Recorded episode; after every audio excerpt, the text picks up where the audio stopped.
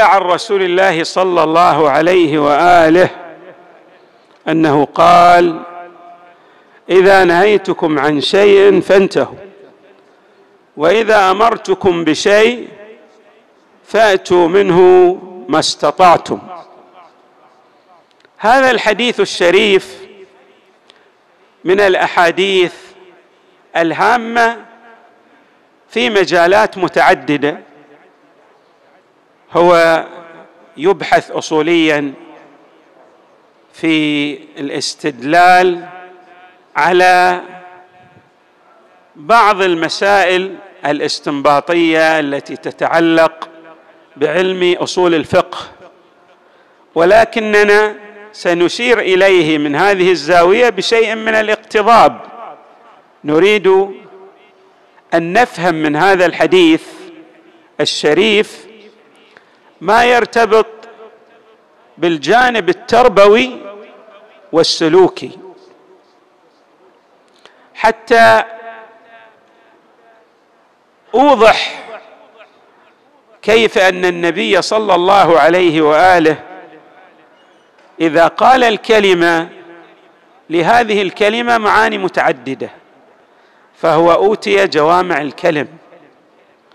بمعنى أن الحديث لا ينبغي أن يفهم على وجه واحد ويقتصر في المعنى المراد من الحديث على حيثية واحدة. هناك طائفة من الأحاديث لها معان متعددة. من هذه الأحاديث التي لها معاني أو لها أكثر من معنى بالخصوص في الجانب التربوي والأخلاقي والسلوكي هذا الحديث الشريف. فاتوا منه ما استطعتم أوامر النبي صلى الله عليه وآله متعددة وكثيرة. بعض هذه الأوامر مثلا في مجال العبادات. الإنسان الله تبارك وتعالى افترض عليه فرائض واجبة. الصوم أن يصوم شهرا واحدا. الصلوات الصلوات الخمس في اليوم والليلة. ولكن هناك أيضا أوامر مستحبة بمعنى أنه ينبغي للإنسان أن يأتي بهذه المستحبات ليصل إلى درجة من التكامل. يرتفع مستواه المعنوي. يتقرب إلى الله بهذه العبادات بالخصوص أن في بعض الروايات إشارة إلى أن ما نقص في الفريضة يكتمل بالنافلة. النافلة إذا أتى بها الإنسان أكملت ذلك الخلل والنقص الذي حدث في الفريضة. فللنوافل من هذه الحيثية أهمية فائقة وكبيرة بمعنى أن الإنسان يستطيع أن يتلافى ما نقص من فرائضه بواسطة المستحبات. المستحبات هذه لها تأثير عظيم وكبير والروايات أشارت إلى هذه التأثيرات العظيمة والكبيرة في النوافل. والأمر لا يقتصر على النوافل جميع أمور الخير والإحسان الإنسان يستطيع أن يأتي بها ليتقرب بها إلى الله تبارك وتعالى. الزاوية التي أريد أن أشير إليها أو أن أوضح المعنى الدقيق لها وأريد أن أن يفهم هذا المعنى من الرواية التي وردت عن المصطفى صلى الله عليه وآله. لنلحظ مثلا النوافل. عندنا نوافل الظهرين ستة عشر ركعة. عندنا نوافل المغرب أربع ركعات. عندنا نافلة العشاء ركعة. نافلة صلاة الفجر ركعتان. نافلة الليل أحد عشر ركعة.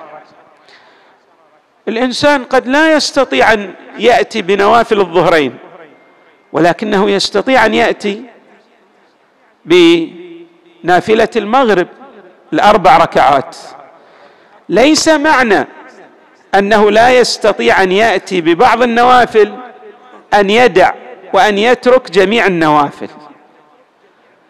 أي أننا نفهم من هذا الحديث أن الإنسان إذا لم يستطيع أن يأتي بكل ما أمر النبي به على نحو الندب والاستحباب فهو يتمكن أن يأتي ببعضه ويحصل على الخير الكثير بهذا البعض. بل أن بعض العلماء يقول أنه إذا أدمن أدام الإتيان ببعض المستحبات في نهاية المطاف سيوفق للإتيان بالكثير من المستحبات. ولعله يأتي مثلا في النوافل بجميع النوافل. فاذا عليه إذا تعذرت بعض النوافل ما استطاع أن يصلي نوافل المغرب. ليس معنى ذلك أن يدع نافلة الصبح خصوصا وأنه وردت بعض الروايات أنها أعظم من نافلة الليل. الركعتان التي يصليها الإنسان نافلة الفجر هي أعظم من صلاة الليل في ثوابها.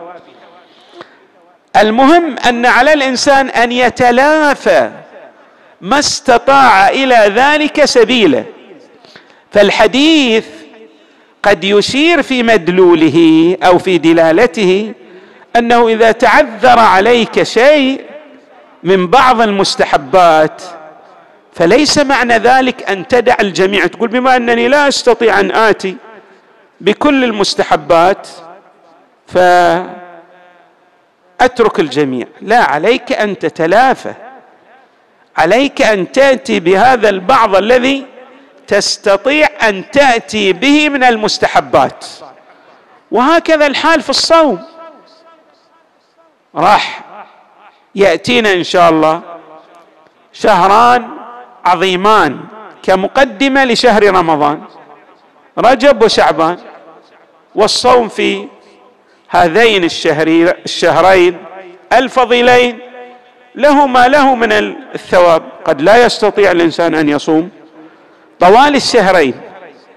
ولكن ليس معنى ذلك أن لا يصوم أي يوم من أيام هذين الشهرين. عليه أن يحصل بعض مراتب الفضيلة أو الفضل والقرب من عند الله تبارك وتعالى. هذا الحال ليس فقط في المستحبات يعني العبادية حتى أيضا في علاقات الإنسان الاجتماعية. ليس معنى أنك لا تستطيع أن تؤدي الواجب يعني الواجب العرفي باصطلاحنا. علاقات أن تكون في قمتها مع كل أصدقائك بما أنك لا تستطيع لا تستطيع أن تؤدي تلك الدرجة المثلى مع الجميع أن تترك ذلك مع الجميع. حتى إذا استطعت أن تؤدي مع بعضهم عليك أن تؤدي. يعني أن تتعامل بشيء من العلاقات المثلى ولو كان ذلك لا تستطيعه إلا مع بعضهم. لأن ذلك سيعطيك مرانا ومراسا لتتكامل في مجال التعامل الأخلاقي مع أصدقائك بالنحو التدريجي. فإذا الإنسان إذا سار على خطوات الكمال بالشكل الذي بالنحو الذي يتمكن منه الله تبارك وتعالى من ألطافه الخفية أن يوفق ذلك الإنسان لأن يعلو درجات من الكمال بشكل تدريجي يعني يصل. والعكس من ذلك الإنسان الذي يترك يدع شوف سبحان الله تفوته الكثير من الأمور التي كان بإمكانه أن يوفق إليها. ويخسر كثير من المقامات يعني لا يصل إليها. والذي كان بإمكانه أن يتبوأها بواسطة تلك الأعمال. طبعا للحديث الأرجع. ليس معنى ذلك يعني أن الحديث له دلالات مطلقة في كل الأنحاء مثلا. من الواضح أن مثلا المناقشات في العلم الأصولي مثلا واضح أنها يعني أن الحديث لا لا يعنيها لا من قريب ولا من بعيد كما نعبر. يعني مثلا صلاة الظهر أربع ركعات أنا ما أستطيع أن أصلي الا ركعتين هل علي أن أصلي ركعتين؟ واضح هذه المركبات الارتباطية التي كما يعبر العلماء أنه إذا سقط بعض أجزاء المركب أو بعض شرائط المركب المركب يزول بتمامه. هذا واضح الحديث لا يدلل عليه. والحديث لا يريد أن يقول يعني إيتي أو إئتي بذلك المركب الارتباطي الذي لا تستطيع إلا أن تأتي بشيء منه. أيضا مثلا في الصوم إنسان يستطيع أن يصوم مثلا إلى العصر. فهل عليه أن يصوم إلى العصر؟ لا الأمر ليس كذلك. ولكن بالتأكيد للحديث دلالة أو دلالات جميلة جدا في المجال التربوي والسلوكي بمعنى أن هذا الحديث يستطيع الإنسان أن يسير به سيرا سجحا على حد تعبيرنا. إلى أن يصل إلى درجات عالية من التكامل. ولعل الحديث أيضا في عمقه المضمون يعني في دلالته الحقيقية هو بنفس المعنى الذي صدحت به اي القرآن الكريم يريد الله بكم اليسر ولا يريد بكم العسر دائما الإنسان الأمور التي تتعسر عليه يعني يرفق بنفسه. شيئا ما إلى أن يتمكن إلى أن يستد عوده كما نعبر. فيصل إلى كماله. هذا حتى في المجال التربوي بالنسبة للأب. انسان يتعامل مع أبنائه. ليس يعني دائما يضغط عليهم ضغطا كبيرا. حتى يريد لهم أن يصلوا إلى ما يتصور هو أنه بإمكانهم أن يصلوا إليه. لا عليه أن يتدرج في ذلك. يعني أن يفهم من معنى هذا الحديث النبوي الشريف أنه يكلفهم ببعض الأمور البسيطة التي يتمكن التي يتمكن هذا الولد أو تلك الفتاة من الإتيان بها. بشكل سهل ويسير ويتدرج معهم. شيئا فشيئا إلى أن يوصل أولاده وبنات وبناته إلى ما يروم أي يصل إليه. لا يشق عليهم في التأكيد عليهم. من هذا القبيل أيضا أمر الأولاد بأنه مثلا لا بد أن يحضر الصلوات الجماعة مثلا الخمس الفرائض. هذا ليس بالأسلوب الأمثل في المجال التربوي. لا. بل حتى أيضا التأكيد الدائم يحبذ للإنسان أن يحض أبناءه على أداء الصلوات الخمس في أوقاتها وفي أول أوقاتها. ولكن قد يكون بعض الشباب نتيجة في هذه الأزمنة التي نعيشها يعني نتيجة لارتباطاته لعلاقاته لأمور أخرى قد يؤخر بعض الصلوات عن الوقت الفضيلة. فعلى الأب أن يغض الطرف عن ذلك أن يتسامح لأنه لا يريد لأبنائه أن ينفروا أن يبتعدوا عن الصلاة يحسون بالثقل لأداء هذه الصلوات وأن المسألة ترجع إلى أوامر عسكرية صارمة.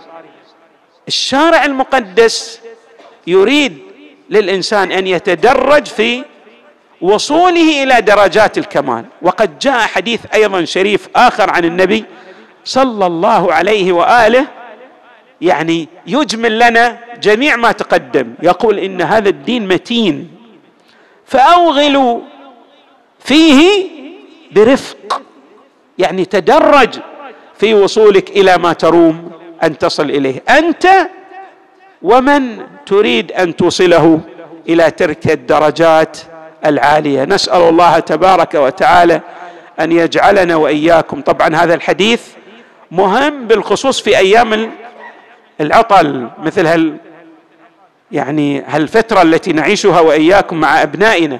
علينا ان يعني أن نؤكد على بعض الأوامر وبعض المستحبات لأن يأتي أبناؤنا بها لأهمية ذلك في المجال الأخلاقي والقرب من الله تبارك وتعالى. والحمد لله رب العالمين وصلى الله وسلم وزاد وبارك على سيدنا ونبينا محمد وآله أجمعين الطيبين الطاهرين.